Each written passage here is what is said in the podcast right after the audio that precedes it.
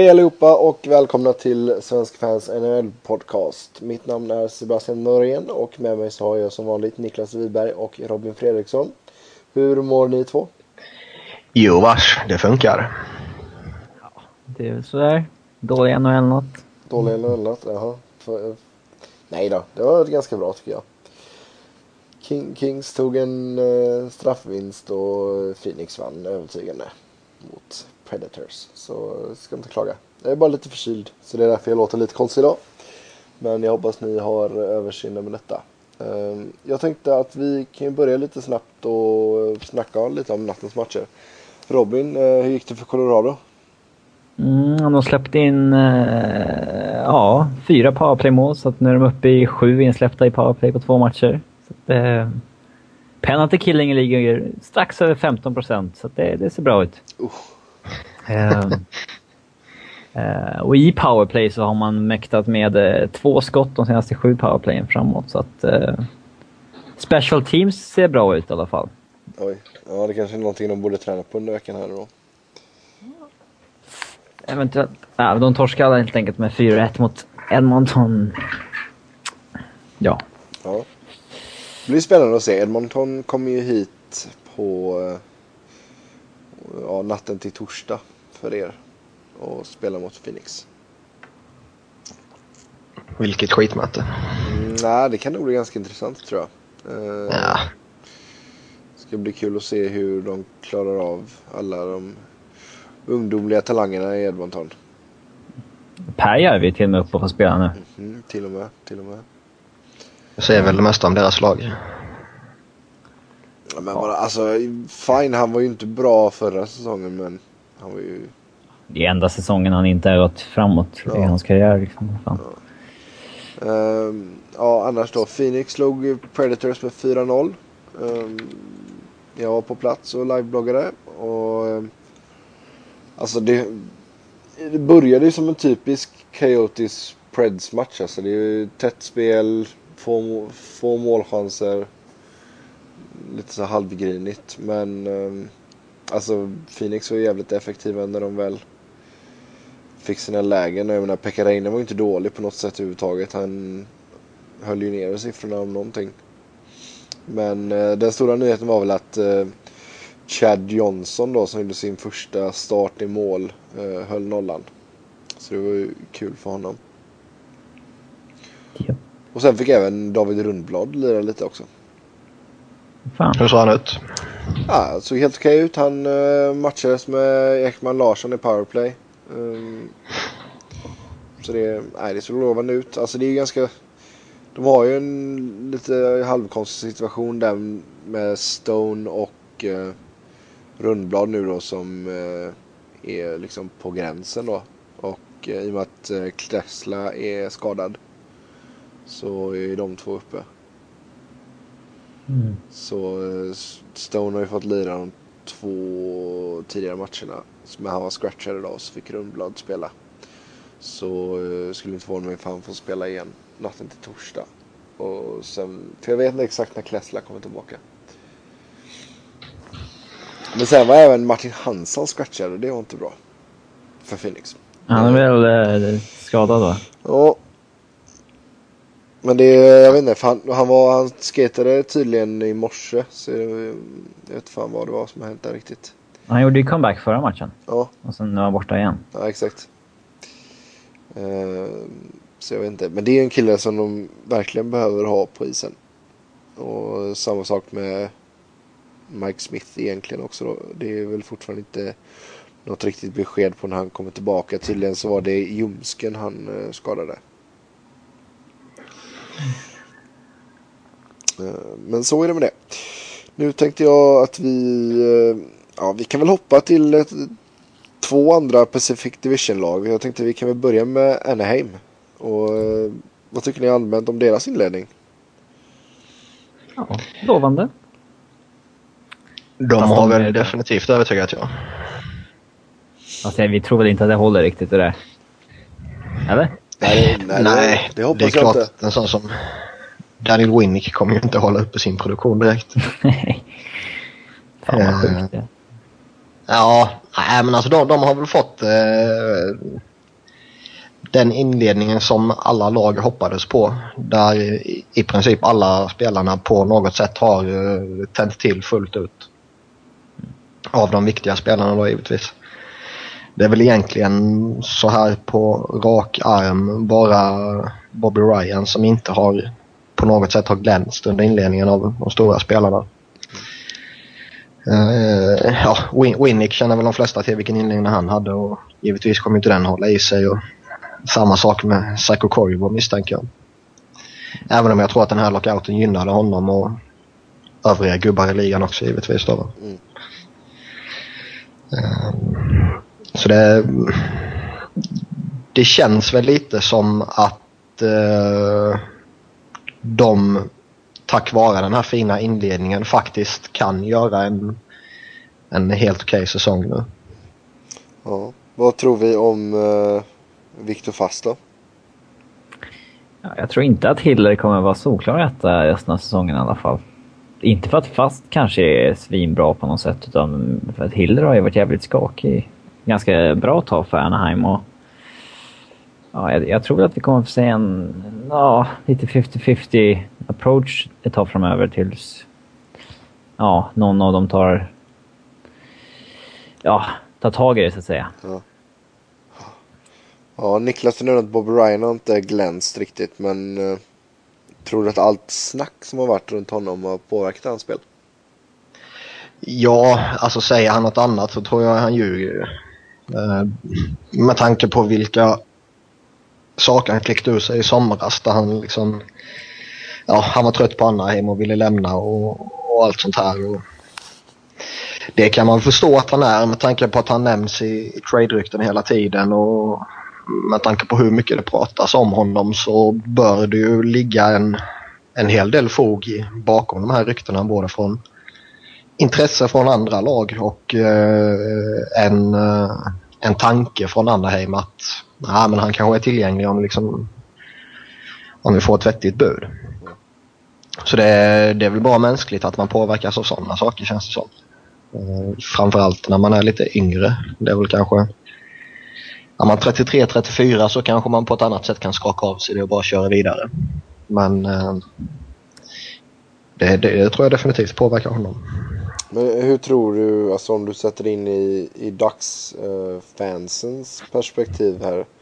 Hur, hur, liksom, hur tror du de känner när han har ändå så pratat så öppet om att nej jag är trött på Anaheim, jag vill dra och typ sådana grejer. Alltså det, det är ju bara att sätta sig in i, i hur man skulle reagera om han vore i, i sitt eget lag och, och kläcka ur sig sådana saker. Så givetvis så är väl, är väl det någonting som man inte blir jättenöjd över. Uh, sen, sen, tror jag nog att de flesta kan ha lite förståelse för honom också. Uh, att han hoppar uh, extremt mycket mellan olika kedjor och uh, helt plötsligt går han från att spela med Ryan Getzlaff och, och Corey Perry till att spela liksom uh, ja, något, något skräp. Cogliano. ja, Cogliano till exempel eller Sacco Koivu eller något sånt där som inte är värdigt hans spelarkvalitet kan jag tycka. Men Duck, um Ducks vet vi, alltså de vill ju säkert trada en spelare som inte vill vara kvar där, som Bobby Ryan. Men hela Getzlaff och Perry-situationen gör ju att de kanske inte riktigt vet vad de ska byta honom mot. För lämna Getzlaff och Perry, då vill de ju säkert byta Ryan mot några rebuild pieces, men stannar Getzlaff och Perry kvar, då vill de ju säkert byta Ryan mot, alltså straight up mot en annan liknande forward. Eller ja, någon, någon som är bra nu så att säga. Så att, eh, man kan förstå att det finns lite osäkerhet kring vad de, vad de vill göra med honom, så att säga. Mm. Men alltså, vad, vad, tror vi där om Perry och Getzlaff? Är det, är det troligt att han skulle lämna? Det är väl mycket troligt. Alltså mycket tyder ju i alla fall på att Perry kommer testa marknaden till sommaren. Eh, I alla fall om man får tro de eh, ryktena och rapporterna som finns ute än så länge. My mycket kan ju ske och det, båda två kan ju signa nytt kontrakt imorgon utan att någon har en aning om att de har förhandlat liksom. Men eh, känslan man har så här på förhand är väl att eh, Perry kommer testa marknaden och eh, lämna för eh, ja, eh, något lag där han har en verklig toppcenter jämte sig. Eh, Getzlaff han vill inte väl... flytta med Getzlaff då? Nej, alltså jag, jag, jag, tycker väl... Jag har väl större tankar om Getzlaff än vad Sebbe har om Getzlaff tror jag. Ja, men det är ju klart att eh. Getzlaff kan vara en första center i NHL. Så ja, i, det... i Toronto. Ja, alltså Toronto kommer ju säkert gå efter honom. Det, de skulle ju garanterat gjort om Brian Burke skulle ha varit kvar. Jag tror fortfarande de har, har ett öga på honom. Och givetvis är det 29 lag som... Ja, givetvis är det 29 andra lag förutom Anaheim som är intresserade av honom på något sätt om priset är det rätta. Eh, så det, det här är inte dåligt på det sättet. Men sen är ju frågan om han är den ultimata centern för Corey Perry. Perry ska väl mer ha en, en riktigt hög, eh, liksom en riktigt skicklig playmaker helt enkelt. Tänker du typ Crosby Malkin nu eller?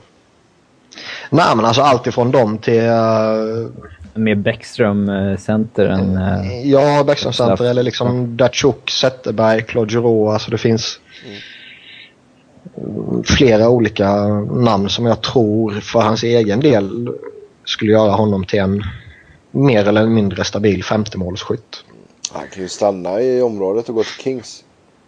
Men alltså... Eh, in, det, bägge kan väl egentligen inte gå till samma lag i sommar med tanke på att lönetaket minskar så ingen kommer ju ha råd att dänga upp två 7 miljoners kontrakt till bägge två. Eh, alltså, det, det går liksom det skulle väl vara Winnipeg typ? Ja, eller... Ja, det, det, fin, det finns ju, möjligheten finns ju alltid för, som Sebbe säger, för några sådana där lite halvdana lag som... Ja, som alltså... Men då vill vi inte gå till ett sånt lag. Nej, det är tror fan att de inte vill det. Då kan lika gärna vara kvar. Ja, ja, herregud. Ja, precis. Men äh, Anaheim måste väl, de kan ju inte låta dem där gå till, eh, till eh, på, att gå ut på marknaden. De måste ju, om de inte har lyckats resigna dem en vecka före trading deadline så måste de ju bara skicka dem för, för att få, alltså garantera att de får någonting tillbaka för dem i alla fall. Ja, alltså det, det, känns väl i alla fall som att har de inte signat inför trading deadline som du sa så kommer de nog uh, skyffla iväg en av dem. Då blir det kanske uh, Corey Perry, blir min känsla. Uh, och sen försöka gå all in på Getzlaff. Uh, skulle det inte funka så har man ju sommaren och, och draften på sig och i alla fall göra sig av med hans rättigheter. Det är väl ännu svårare att resigna Getzlaff om man har skickat Perry redan. Det skickar inte så bra signaler. Det beror väl på om man får utbyte i och för sig men... Uh, ja, precis. Jag kan hålla med om att det inte ger de bästa signalerna. Och Bobby Ryan lär ju bli än mer sugen på att dra därifrån ifall antingen Getzlaff eller Perry sticker. Jo men vadå, i, alltså, i nuläget så känns det väl bara som att Anaheim sitter och väntar på att det rätta budet ska komma på Bobby Ryan. Ja, fast jag tror ändå att de inte, som jag sa tidigare, att de inte vet vad de ska byta honom mot förrän, så som, förrän de vet vad som händer med Getzlaff och Perry. Ja. Nej, jag hade inte velat vara GM i, i Anaheim just nu, absolut inte. Det, det blir ett jävla pussel. Mm. Ja, ska vi lämna Dax där? Så... Alltså det, det som kan sägas om Anaheim innan ja. vi lämnar dem, det är väl att försvarsbesättningen och målvaktspositionen ser väl väldigt positiv ut inför framtiden. Eh, däremot måste ju forwardsbesättningen eh, redas ut med de här tre stora namnen som vi har pratat om. Sen har de trots allt de har lite vettiga killar på uppgång på forwardsidan också. Men de kan ju inte bara släppas in utan att det är några ärrade veteraner som leder laget. Teemu Selänne kommer ju inte vara kvar i all evighet. Jo, skicka in Friberg och Rakell i första kedjan bara. Då löser det sig. Ja, då uh, rör vi oss uh, norrut. Och landar i San Jose. Där vi har San Jose Sharks. Som, uh, jävlar vilken inledning de har fått. Helt okej. Okay. Vem fan trodde din när säsongen började? Inte jag i alla fall. Ja, det brukar bli liv i sådana här gubbar i den åldern som Thornton och Marlowe när de har haft en lockout sådär. Det, av någon anledning. Men eh, man vet ju liksom inte om det här är samma... Det San Jose vi har sett tidigare år som kommer chokas fort i beslutsspel, men det, det vet man ju inte. Det är ju lätt att anta det i alla fall. Ja, men förr eller senare så måste ju sådana där jävla kvalitetsspelare lyckas med någonting också. Nej, men de Alltså, måste börja det- förlora. Det håller inte detta. Min fru håller på att tracka mig som fan hela tiden nu. Ja, men de måste ju ta... eh, De kan inte vara så bra i grundserien år efter år och sen aldrig lyckas. De måste lyckas slutspelet någon gång, men samtidigt så... eh, Alltså... Det är inte så mycket skillnad på det här laget och de, de lagen som har chokat tidigare. Förutom att de här Scott Gomez, men det är inte... Ja. inte Har han fått spela än? ja, två matcher. Alltså han har ju varit bra. De, de, de vill ju... Jag läste lite vad Sharks-fansen tycker. De flesta vill ju peta upp han i andra kedjan med pa, Pavelski och Havlat. Eh, ehm, eller Couture och Havlat eh, istället för Klo. Ja, okej. Ja. ja, vi kan ju baka in det samtidigt nu då när vi snackar Sharks. Um, Gomez fick ett ettårskontrakt och vad landade det på? 700? 700 000. Ja. Så det, det är ju helt okej. Kan ju inte riktigt floppa till ett sånt kontrakt. Nej, absolut inte. Det var ju som vi sa där. Alltså, signa han för eh, ett år och så billig peng så det är ju en, det är en win-win liksom. Ja. Han är- Ja, han han, är- är ju ingen, han är ingen dålig spelare. Eh, det, det är det vi har sagt liksom en längre tid också. Att, Jo, men han behövde ju ett miljöombyte och en, en lägre liksom, lön. ja, framförallt tror jag han behövde lite förtroende och få lite, som, som du säger, lite, lite ny glädje i hockeytillvaron. Mm. Ja. Vad, är, vad är det då som gör Sharks så bra som de är nu? De har, alltså, om man, om man tittar på förra året så var väl det mer ett, ett snedsteg än något annat kan jag tycka. För de, de har ju ett, ett bättre lag än vad förra året visar. Det har man ju sett tidigare år liksom. Mm. De har väldigt många individuellt skickliga spelare och när alla de här spelarna formtoppar samtidigt, vilket de har gjort nu under inledningen här, så är laget fantastiskt effektiva. Ehm, och trots nu att de har saknat eh, Brent Burns under inledningen och jag tycker väl att det är deras bästa back egentligen, så, så har de gått på helt fantastiskt bra. Och sen, vi, alltså de, de kommer ju ta sig till slutspel, det tror jag. Eh, om inte annat så kommer väl den här inledningen ge dem en, en verklig liksom, eh, framgångsvåg och, och rida vidare på. Så det, det, det tror jag man kommer klara utan problem.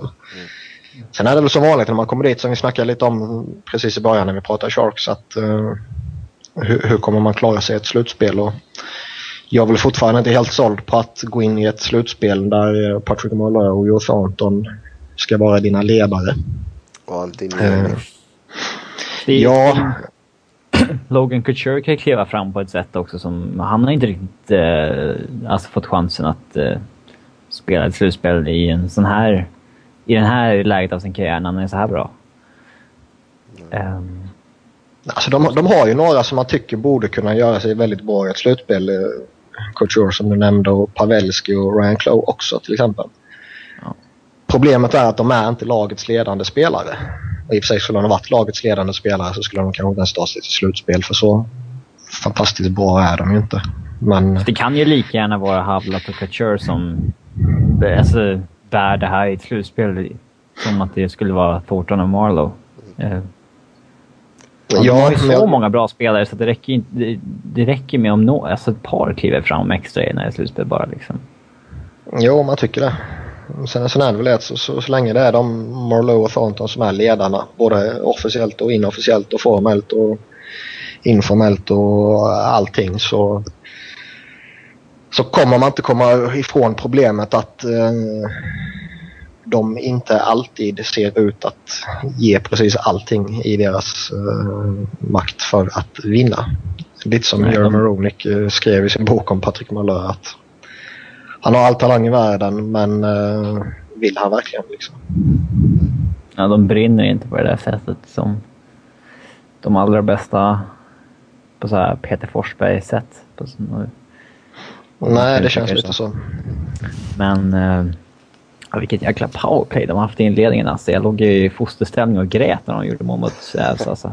Det, det, ja, och då har de ändå inte fått tillbaka Brett Burns som du sa. Nej. Men sen så är det ju vanliga, alltså visst Antoniemi har ju tagit ett eh, lag till Stanley Cup förut men det är ju, eh, det är ju oavsett den svaga länken Ja, speciellt i det här laget. med tanke på hur skadebenägen han är också. Ja. Eh, Men du, jag tänkte kolla, äh, snacka om det också. Uh, Stewarts tackling på Landeskog. Kan du dra, ja alltså, kan du dra jag den tycker lite snabbt? Ja. Alltså, jag tycker väl att en sån där tackling ska få genomföras i, i NHL. Det, det tycker jag, men alltså... Sen så är det ju... Det är så ändå inkonsekvent att... Alltså, jag tycker att en sån där tackling ska få... Eh, ska få genomföras, men det går inte att eh, inte hävda att huvudet är så att säga the principal point of contact som Mm. Shanahan brukar säga. Eh, Så det är väl lite in- inkonsekvent, men det kommer det alltid vara när man ska bedöma tacklingssituationer och sådär. Men eh, jag har inget emot den där typen av tacklingar i alla fall. Vad, vad är det senaste på Landeskog? Han, han spelar inte i natt. Nej, första matchen han missade i Avs. Eh, de säger att han har en huvudskada helt enkelt. Eh, och, och en benskada. Han, ha- han haltade ju liksom av när det hände också. Mm. Eh, eh, men... Men det, det kan ju vara allt ifrån en lårkaka till eh, liksom, mm, något Man betydligt säger annat. head and leg injury. Och, eh, Ja. Det Ja. känns som det är det första man ska oroa sig över. ja. Ja. Då... Så eh, Vad tyckte du om tacklingen? Jag har inte sett den. Det är därför jag frågar. Vad Mm. Alltså jag, jag tycker ju att... Eh, alltså jag vill ju inte ta bort sådana tacklingar ur spelet. Däremot tycker jag väl att eh, sådana tacklingar tidigare har... Eh, eller inte exakt sådana men liknande tacklingar tidigare har eh, gjort att man kanske har fått höra från Shanahan. Eh, sen kan det kanske inte ha blivit någon avstängning men att att man i alla fall har liksom undersökt saken och så här. Och det, jag, jag kanske inte tycker att man ska göra det men med tanke på att man har gjort det tidigare så tycker jag väl kanske att man ska göra det i den här situationen också. Men det, det är ju det stora problemet som finns i ligan nu. Det är ju att eh, de är inte konsekventa i, i, i det de gör. Och jag menar liksom inte att Stewart ska få tre matchers avstängning för den här. För även om Landeskog är en spelare som jag beundrar så bör han väl också kanske vara lite mer uppmärksam på eh, omgivningen i just den situationen. Det är väl det att han har... Han ser att Stewart kommer tackla honom. Men han kan ju inte liksom vika undan för då blir det en turnover. Eh, så han måste ju sträcka sig fram och peta ner pucken i, i zonen helt enkelt. Och sen så hinner han ju ändå alltså in, dra tillbaka huvudet så att han lutar sig inte framåt på det sättet som kanske Boracek gjorde på Kronwalls tackling. Eh, men... Eh, eh, sen, man undrar ju alltid vad som hade hänt om han hade legat kvar där och de hade fått ta ut honom med en bår och sådär. Vad hade Shanahan sagt då? Eh, nu åkte Landeskog av eh, isen på fem sekunder och sen sa han efter matchen att det, det var en clean hit och att han måste hålla upp huvudet bättre typ. Eh, och då eh, brukar ju... Men om den tacklade spelaren sig något sånt där så brukar man ju komma undan rätt bra som tacklare. Ja, det är klart sånt det är klart sånt spelar in. Eh, och det handlar väl mer om, om Landeskogs eh, ja, vilja att eh, hålla upp sin image som lagkapten och, och liksom den, det han utger sig för att vara. Och det har jag väl full respekt för. Men jag tycker med, tank, med tanke på vilka situationer som uppmärksammats eh, av Shanahan och kompani under tidigare säsonger så bör väl kanske den här också göras det. Sen tycker jag att det är fel att man bör göra det. tilläggas. Yes. Ja, jag tänkte bara, jag får be om ett litet tips här då. Håller Sharks hela vägen? Ja, Det beror på vad du menar med hela vägen. Men, Nej, men ta, kan de ta sig till en Stanley Cup-final? Ja eller nej? Ja, det kan de. Ja, Niklas? Alltså de, de, har, de har pusselbitarna för det. ja eller nej? Jag vill ha ett ja eller nej. Ja men det kommer, lugna dig. De har pusselbitarna för det men jag tror inte att eh, alla pusselbitarna kommer falla på plats. Så nej. Okej, och jag säger nej för guds skull. Eh, jag, Frug- frug- Frugan blir olidlig. ah, visst, nej, jag har ju kunnat gotta mig hela sommaren här nu när Kings vann liksom. Så det, jag pallar inte att hon ska få den, det privilegiet också. Nej, nej, det kan vi inte klara. Nej. Jag tänkte att vi håller oss kvar i västra konferensen och så eh, hälsar vi på i The Windy City. Där vi har Chicago Blackhawks som eh, också har spelat ganska bra. Ja, vunnit alla hittills. Ehm, samma fråga där. Hur, hur bra är det här laget egentligen? Ja. Alltså det, det är väl, ska, ska man hårdra det kan väl jag tycka att det är lite Edmonton över det hela så tillvida att det känns lite felbalanserat. Eh, om man bortser från Duncan Keith och Brent Seabrook som givetvis är två grymma backar så tycker jag försvarsbesättningen känns lite, lite suspekt. Eh, där eh, Niklas Hjalmarsson till exempel kan vara allt från isens bästa spelare till eh, helt bedrövligt dålig. Och bakom honom finns det väl backar som eh, inte direkt kommer eh, kliva fram och vara så pass bra som man behöver vara i ett slutspel för att gå hela vägen. Däremot är forwardsbesättningen helt enastående bra. Från eh, ja, från första kedjan till fjärde kedjan helt enkelt. Och så länge man har Jonathan Toews och Patrick Sharp och Marian Hossa och Dave Bolland och sen slänger in en Patrick Kane på det också så kommer man ju alltid vara ett konstant hot framåt. Kane är ju bättre i år än i fjol. Kan man redan säga. Ja, Kane har varit så jävla bra. Men eh, om man kollar på backbesättningen så är det intressant att Keith och Seabrook är de enda som ligger på kraftigt eh, minus trots att de har spelat sex matcher och vunnit alla. Keith har minus fem och Seabrook har minus fyra. Jag vet inte riktigt hur, hur de har lyckats med det när Johnny Oduya har plus åtta. Ja, det är lite konstigt. Men eh, de har väl... Det har väl att göra med vilka man matchas mot helt Ja, jag tänkte väl säga det. Ja, absolut. Men det borde inte vara sån jävla skillnad när man vunnit alla matcher. Nej, li, li, lite uppseendeväckande är det givetvis. Så är det några backar som ska ligga på minus i, i den backbesättningen så är det väl inte de två liksom. Men de, eh, de har inte ett alltså, oerhört mycket bättre lag i fjol på pappret. Det är ju i stort sett det är ju samma lag. Men eh, Alltså sk- skillnaden är väl att Hossa ser ut som en nyfödd spelare egentligen. Efter den uh, smällen han åkte på av Rafitoris i, i slutspelet. Han har ju sett ut som uh, han kanske inte har gjort på en viss tid nu faktiskt. Där han har en, en väldig fart på skridskorna och handlederna är enastående bra och uh, han är helt frisk också. Så jag, jag tror lockouten gjorde nog honom lite nytta också. Han fick vila och, och rehabträna i, i lugn och ro liksom. Och, och sen var han ja, frisk i princip lagom till när, när säsongen skulle börja.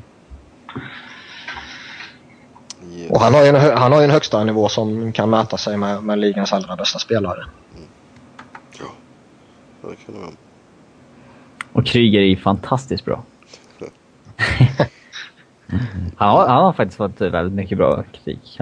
Men ja, han är fortfarande kanske inte svaret på deras eviga fråga om vem som ska bli undercenter. Ja, nej. En på ett, en på ett tag i alla fall. Yes. Mm, sen alltså, det känns att de skulle behöva en ord- ordentlig målvakt också. Ja, alltså en sån som Corey Crawford är, han är tillräckligt bra så länge man har en pålitlig försvarsbesättning framför honom. Eh, och som jag sa tidigare så tycker jag väl inte att Chicago har det fullt ut. Så Nej. han, är ju, han är ju en del av det defensiva problemet, definitivt. Uh, ska de köra på den här försvarsbesättningen under eller en liknande försvarsbesättning givetvis då under de kommande säsongerna så bör man kanske kika på att uppgradera sig i mål. Ja, känns... Jag tycker väl att både Odojo och Hjalmarsson är väl okej. Eh, och Nick Leddy ska vi inte glömma. Han har ju börjat säsongen riktigt bra. Men eh, de är oerhört kännbara för skador på Keith och Seabrook. Det är ju ex extremt känsligt där. Alltså det, det, det är alla lag på sina bästa backar men alltså jag tycker fortfarande att Hjalmarsson och Doja, okej att slänga in en av dem eh, som liksom tredje back. För jag tycker inte att man kan man kan inte räkna Nick Leddy eller förvänta sig att han kommer gå in och, och liksom bära upp ett backpar i dagsläget. Även om han är väldigt duktig. Men äh, att ha både Hjalmarsson och Odoja som förväntas liksom vara bärande backar. Det, orosmolnen borde segla in rätt fort över Chicago-fansen tycker jag. Mm. Yes, har vi något annat att säga om Chicago? Nej. Är det här laget lika bra som det laget som vann Stanley Cup? Nej, Nej det är man inte. Då hade man ju ett helt galet Bufflin och Ladd och... Det var ju sista chansen. Sen skulle alla ha nya kontrakt och då ja. vi dumpa alla. Ja, om vi tar oss över till eh, östra konferensen då. Så laget som eh, ligger tvåa just nu i Eastern Conference är Tampa Bay. Det är mm. lite förvånande i min mening i alla fall. Ja, men både San Luis och Vinilla Cavalier har ju börjat säsongen riktigt bra. Och Kori Konashar, hur ska man uttala hans namn egentligen? Du har frågat mig på sådana namn, herregud. jag, jag och Niklas har ju fan svårt med kanadensarna. Ja, han är väl kanadick, men ja, det är ju udda namn. Men det, det är kul att få rapporter om att uh, Victor Hedman har börjat säsongen riktigt bra. För det är fan dags att han tar och gör nu. Ja, det är det verkligen. Eh, speciellt med tanke på hur det kontraktet han fick, tycker jag. Ja, alltså det är väl inget farligt kontrakt så, men år fyra ska man fan eh, ta ett kliv om man går topp... Eh, vad fan gick han? Tvåa? Tvåa, ja, tvåa i... Ja. ja. ja. Alltså jag, jag, tycker väl att man kan väl dra lite paralleller till snacket vi hade om Sharks för en liten stund sedan. Eh, Tampa har Eh, alltså, de har ett betydligt mer komplett lagbygge nu än vad de har haft tidigare. Eh, sen tycker jag väl att Steve Eisenman kunde lagt lite mer fokus på bottom six bland forwards. Eh, men lagbygget är stabilt och eh, de har flera skickliga individer och när alla levererar samtidigt Eh, som Sharks har gjort och som Tampa har gjort nu så eh, är de väldigt, väldigt svårstoppade. Eh, I Anders Lindbäck har de fått en stabil målvakt som redan nu är bra och som bara kommer bli bättre. De har en backbesättning som ser lite mer stabil ut än vad den gjort tidigare år. Och tar Hedman det här klivet som ja, de flesta svenskarna hoppas väl att han gör det. Så så ser väl det okej okay ut där också. Så länge San Louis och Stamkos levererar som de har gjort så kommer de alltid hota. Och kan man dessutom krydda det med en Vinilla Cavalier som har sett fantastisk ut under inledningen så ser det väl spännande ut för Tampa Bay. Yes. Men de är ingen contender, tror jag, än på ett tag. Nej, det, det tror väl kanske inte jag heller. Däremot är frågan hur uh, de till exempel kommer klara sig när en sån som Martin Saint-Louis tar slut. För det känns som att han, uh, han står lite där på gränsen nu att han håller fortfarande en väldigt bra klass men det känns som att tiden när han kommer dala och dala rätt så rejält närmar sig eh, uh, med stormsteg. Så det, det, känns lite som att ska de åstadkomma någonting med, med det här lagbygget så känns det som att det är under San Luis uh, uh, ja, prime ska man inte säga men, uh, men att man fortfarande håller en, en väldigt hög klass. Mm. Stormsteg alltså. Var det en, var det en, en ordvits eller? Mm, vad sa du? Stormsteg, var det en ordvits? Om du vill att det ska vara det så var det det. Okay. Typiskt göteborgaren att sitta och leta efter sånt där. Vadå? Storm, stormsteg, Tampa Bay Lightning, hallå? Ja. ja. ja. Den är så tråkig så den blir rolig så. Ja, exakt. nej, Dra men på alltså... Avenyn och det kommer garvas överallt. Ja, exakt. Uh, nej, men alltså, ja, det, jag vill ändå så se att de tar sig till slutspel och jag vill se Stamkos. Mm. I ett slutspel. För att han kan göra mål i grundserien, det vet vi nu. Ja, men ja och jag tror att tar, tar de sig till slutspel så alltså det kommer inte vara en, eh, en slagpåse i första rundan bara utan de kommer ställa till problem.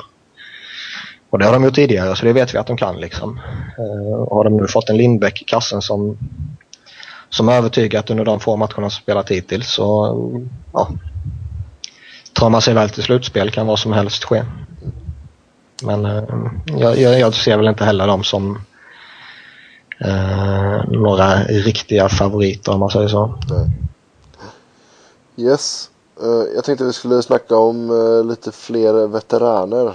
Uh, vi snackade om Gomes när vi snackade Sharks där. Ehm, Niklas, du kan få snacka om Mike Knubel om du vill. Mm. Jag var faktiskt lite skeptisk när de signade honom. Jag, du ville väl honom förra säsongen? Ja, alltså jag har, jag har varit väldigt tudelad till honom. Jag gillar honom skarpt och han bidrar med så enormt mycket. Eh, framförallt utanför isen och i omklädningsrummet där han är eh, extremt analytisk av sig. Han tar alltid de unga killarna under sina vingar och, och kan utveckla dem och, och, sådär. Däremot finns det ju uppenbara frågetecken i hans spel numera med tanke på att han är 40 bast liksom. Eh, så jag var väl lite skeptisk till eh, om han verkligen skulle kunna hänga med i, i spelet och om han fortfarande hade drivet kvar och om han fortfarande kunde, kunde vara den kraften eh, i liksom sargduellerna och, och framför kassen och så här. Men baserat på de här första matcherna han spelat med Flyers så har han imponerat stort tycker jag. Uh, han vinner tacklingar, han är ansvarsfull, han hänger med bättre i skridskoåkningen än vad jag någonsin kunde drömma om. Och, ja, som sagt, vi vet att han är en, en viktig närvaro i omklädningsrummet sedan tidigare. Men tror du att det var en av faktorerna som vägde in när Philadelphia bestämde sig för att ta in honom då man tappade Jager? Ja, alltså... Han var väl ingen ersättare för Jager? Så Nej, men alltså, jag menar alltså ledarroll, ta hand om de unga. För jag menar tydligen så var ju Jager helt otrolig med det förra säsongen. Mm. Jo, det, det, jag tror det var framförallt var det som gjorde att man plockade in honom. För jag, jag tror inte att man ser Mike Knubel som någon liksom någon som man förväntar sig gå in och liksom ersätter Scott Hartnells eh, spel på isen. Liksom. Mer än att Knut kan stå framför kassen och, och, ställa till lite problem i, i andra uppställningen i powerplay till exempel. Mm. Um, men jag tycker väl att man har saknat lite eh, veteraner i, eh, i omklädningsrummet helt enkelt. Där Kimmo Timonen och Danny Breer kanske har varit lite väl ensamma i, i den aspekten. Mm. Um, Jody Shelley också. Ja, alltså Shelley är, alltså han är jävligt uppskattad i omklädningsrummet och det är väl i princip enda anledningen till att de behåller honom uppe i NHL istället för att bara dumpa honom i, i Adirondack Phantoms i AHL. Mm. Han gör ju ingen nytta på isen men däremot är han för sammanhållningen i gruppen så verkar han vara så pass viktig att det är värt att hålla kvar honom ändå. Men det är att, att vara Knubbels ledaregenskaper och, och, man vet med tanke på att han har varit i organisationen tidigare vad han bidrar med utanför isen så jag, jag, tror det betyder väldigt mycket när man valde att plocka in honom nu igen.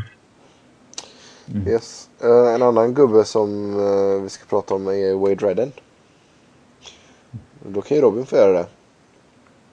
Och han har ju öppnat riktigt eh, lovande i blues. Och ja, en sån gubbe som du uttryckte det har väl lite att även om han såklart inte är bättre än Peter Angelo och Shattenkirk så har väl han mycket att lära ut på något vis. Um, så att, uh, ja, han har ju gått in och spelat eh, betydligt mer än jag trodde att han skulle göra. Han har ju gått in och kört närmare 20 minuter per match. Jo men även där var det en kille som behövde ett miljöombyte. Eller Han behövde ju bara komma ifrån Rangers.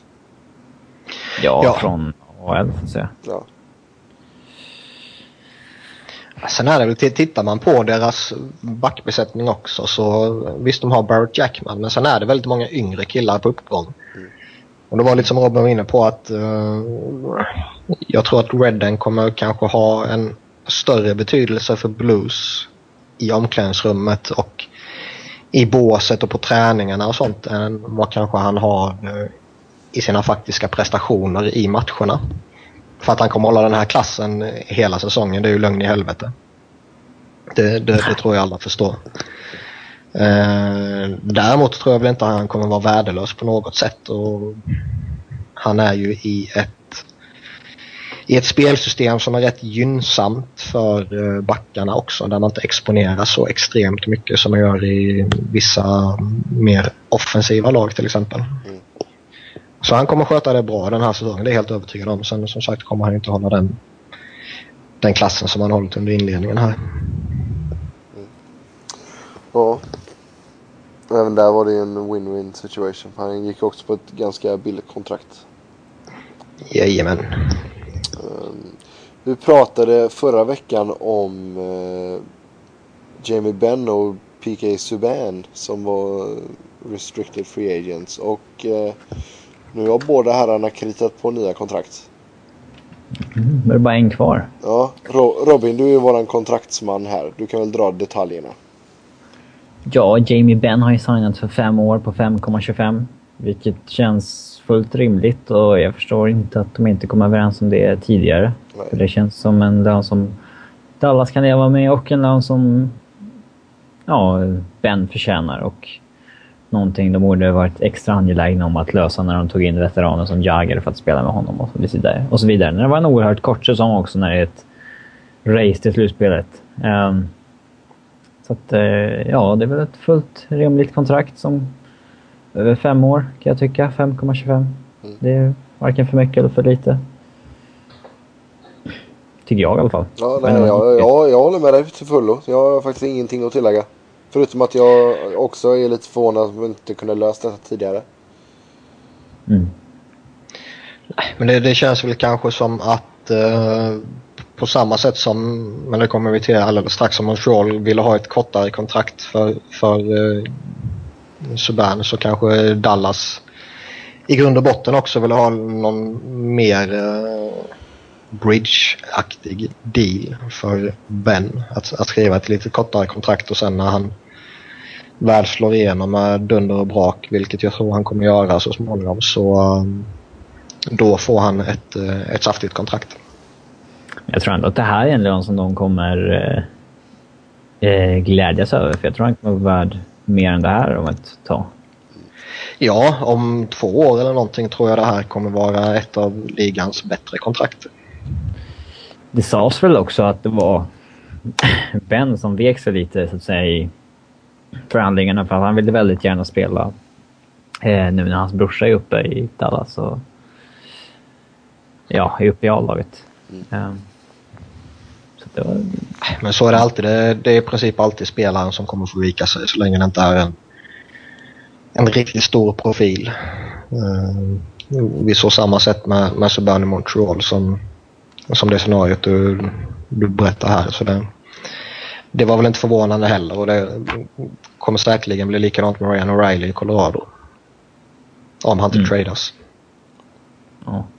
Um, Subans kontrakt då har ju en eh, alltså löjligt låg cap hit för en spelare av Subans eh, kvaliteter. Han landar på 2,8 eh, och sen 750 000 dollar. Um, uh, och det här är väl ja, det är väl Subban som har fått vika sig och inte ta ett längre avtal utan ett, ett kort avtal helt enkelt. Eh, på en, eh, till ett stil, så att säga, rent cap hit-mässigt. Men eh, det viktiga för Subban här är ju att eh, första året tjänar han 2 miljoner dollar och året efter tjänar han 3,75 vilket gör att nästa kontrakt så måste deras qualifying offer vara minst 3,75 miljoner dollar. Eh, så att det, det är väl lite win-win kan jag tycka, även om att han, även om kanske lönen på år ett på det här avtalet bör ha varit lite högre för att vara marknadsmässig, så att säga. Ja, alltså det... Alltså hade jag varit honom hade inte jag varit nöjd. Alltså det är fortfarande mycket pengar vi pratar om, men jag, jag tror inte jag hade varit nöjd direkt. Nej. Alltså han har ju satt sig i en situation där han kan få ett oerhört bra nästa kontrakt i och med att de måste erbjuda minst 3,75. Ja, absolut. Och hade, eh, hade jag varit honom så hade jag dratt. Ja. Alltså det, Ja, det är svårt när man är Jo, restricted. jo, men alltså, du, alltså om någon lägger upp typ som eh, alltså ett, ett bra offer. Alltså jag hade kunnat säga till någon bara jag vill gärna komma till det, lägg, lägg ett bud på mig liksom. Alltså det, det spekulerades ju väldigt mycket om att det skulle läggas offersheet på honom och att eh, Montreal liksom inte skulle haft något eh, emot att eh, signa ett offersheet. Utan det, det känns lite som att vad Mark Bergevin vill, vill göra här nu är ju att eh, ja, lägga upp en standard för eh, kommande RFAs. Att liksom du, när det är dags för det, kontraktsförlängningen här så då får du ett, ett halvhyggligt kontrakt för att liksom slutligen bevisa att du är redo för att vi ska satsa på det. Liksom. Ehm, man gjorde det till viss del med Max Pacioretty här tidigare och halvvägs in på hans kontrakt där så skrev man, vad var det, sex års kontrakt med honom tror jag. Och nu får man börja förhandla om nytt kontrakt med Subban redan till sommaren till exempel. Så gör han dundersuccé här så är det väl inte alls omöjligt att man börjar prata med honom om, om nytt kontrakt redan i, i juni, juli liksom och, och, och sen se lite vad som händer under nästa säsongs inledning. Och jag, jag, jag tror det... Mm. Nej, jag, jag tror det är viktigt också för GMs att få någon sån här standard för ja, eh, en anledning till att vi hade lockouten det var ju för att folk tyckte att det delades ut för galna andra kontrakt till exempel. Så jag tycker det är, det är viktigt och det är beundransvärt av GMs att eh, försöka få någon sån standard. Och nu är ju givetvis Subban eh, underbetald eh, på ja, nästan 2,9 miljoner. Skulle han fått kontraktet han var ute efter, där det pratades upp mot eh, över 5 miljoner, skulle han inte vara överbetald i, i dagsläget. Men skulle sannolikt vara värd det om två år till exempel. Mm. Det, det måste ju ändå vara konstigt att Subban ligger på 2 miljoner dollar i år när de var, de var villiga att ta Caberles lön på 4,25 och erbjöd Josh Gorges ett kontrakt på 3,9 miljoner dollar per år i sex år. Liksom det, I och för sig tycker jag att Gorges är väl en av kanske ligans mer underskattade backar.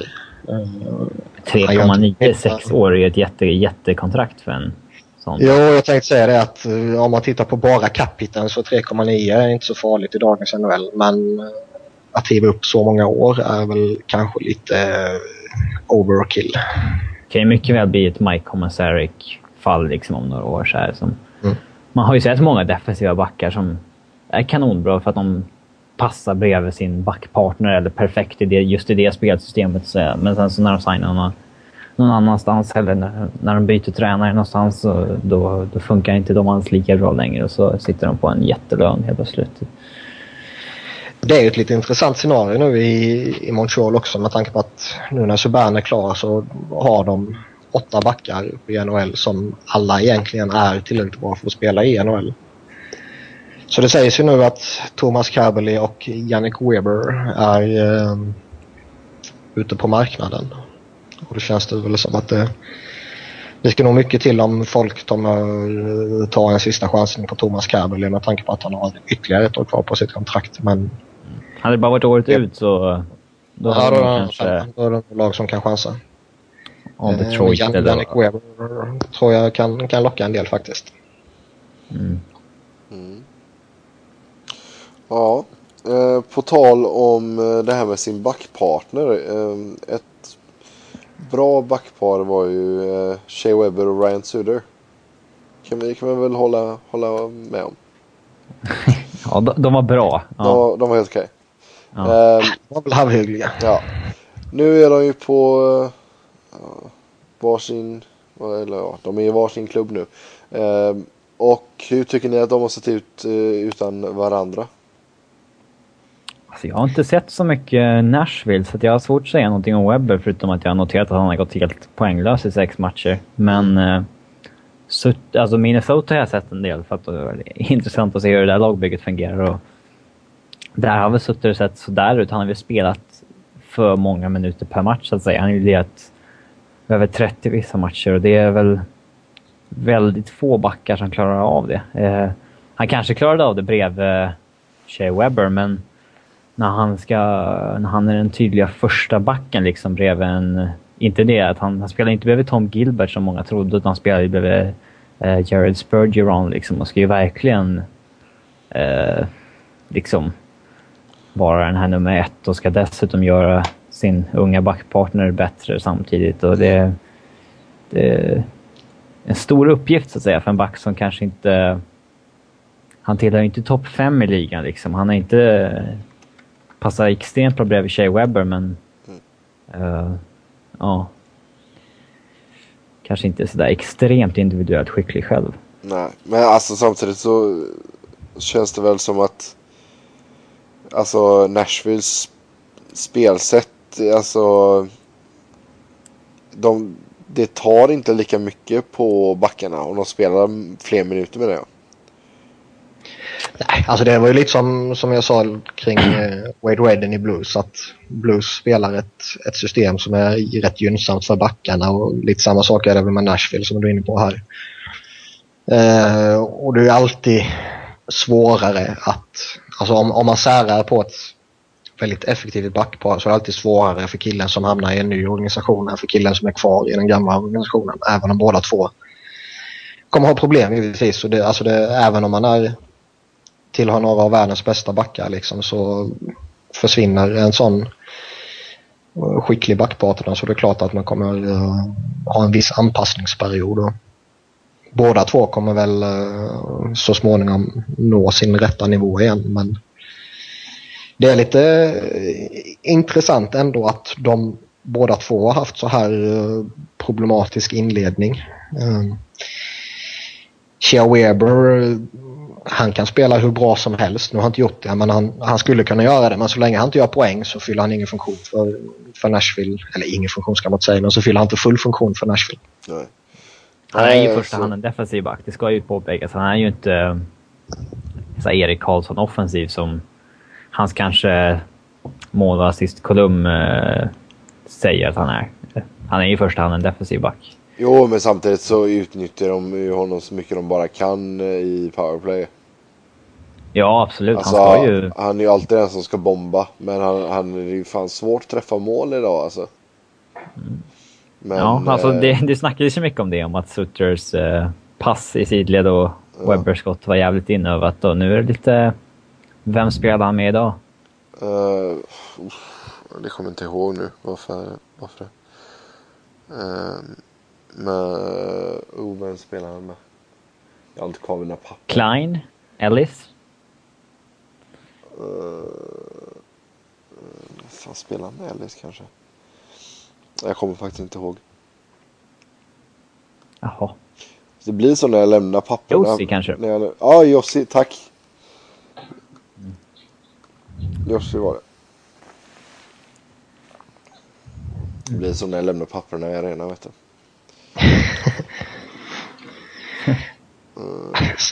Sen är det ju det, alltså både Nashville och Minnesota har ju en, en backbesättning som gör att båda de här två kommer ta ett, ett ansvar eh, som kanske till och med är lite för stort för båda de här två.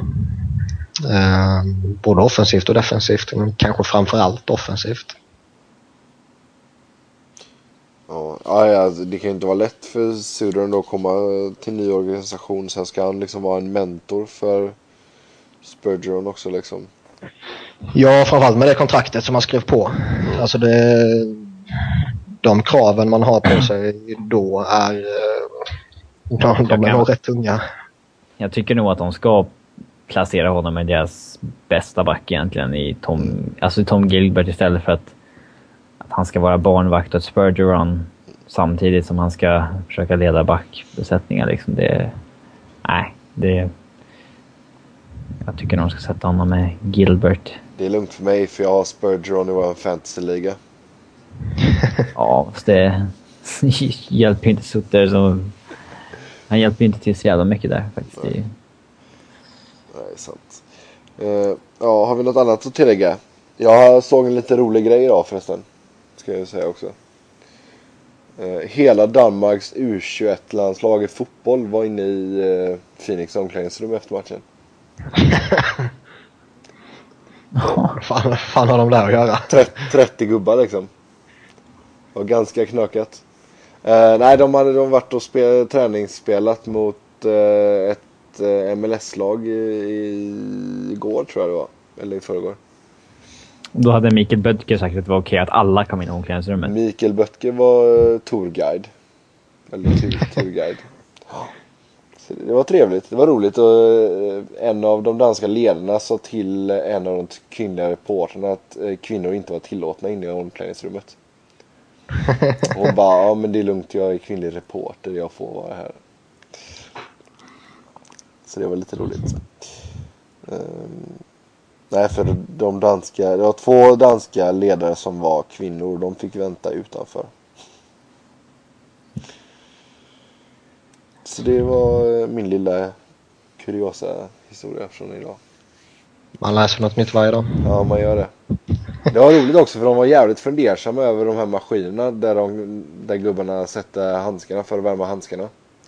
Eller torka De var handskarna. sugna på att slänga upp skorna där. Ja men det, de var, ja men de var, vad är det för liksom? Så jag bara, ja det är för att värma handskarna säger jag på svenska. Och hon bara, "Åh, svensk? Ja, ja. Och så de bara- Gammeldansk. Ja, så de bara, ah, man, man ska sätta en fotbollssko över det. Jag bara, ja, skulle man kunna göra. Nej, så det, det var lite roligt att se faktiskt. Ehm, Men det, det var kul för Micke Böttger och jag tror inte det är så jättemånga danskar här ute. Så, Nej. nej. Ja, med den lilla historien så tackar vi för oss för den här veckan. Eh, som vanligt så kan ni eh, babbla hockey med oss på Twitter. Mig hittar ni på @sebnoren i ett ord. Niklas på Niklas Wiberg i ett ord. Niklas med C. Och Robin på R underscore Fredriksson. Sedan kan ni också använda hashtaggen Svenska fans NHL podcast i ett långt fint ord. Ehm, hör gärna av er med frågor, funderingar, ehm, ämnen ni vill att vi ska ta upp. Ehm, programmet finns på Svenska fans hemsida, på Svenska fans appen och på iTunes. Tills nästa vecka, ha det gött, hej! Hej! Hej!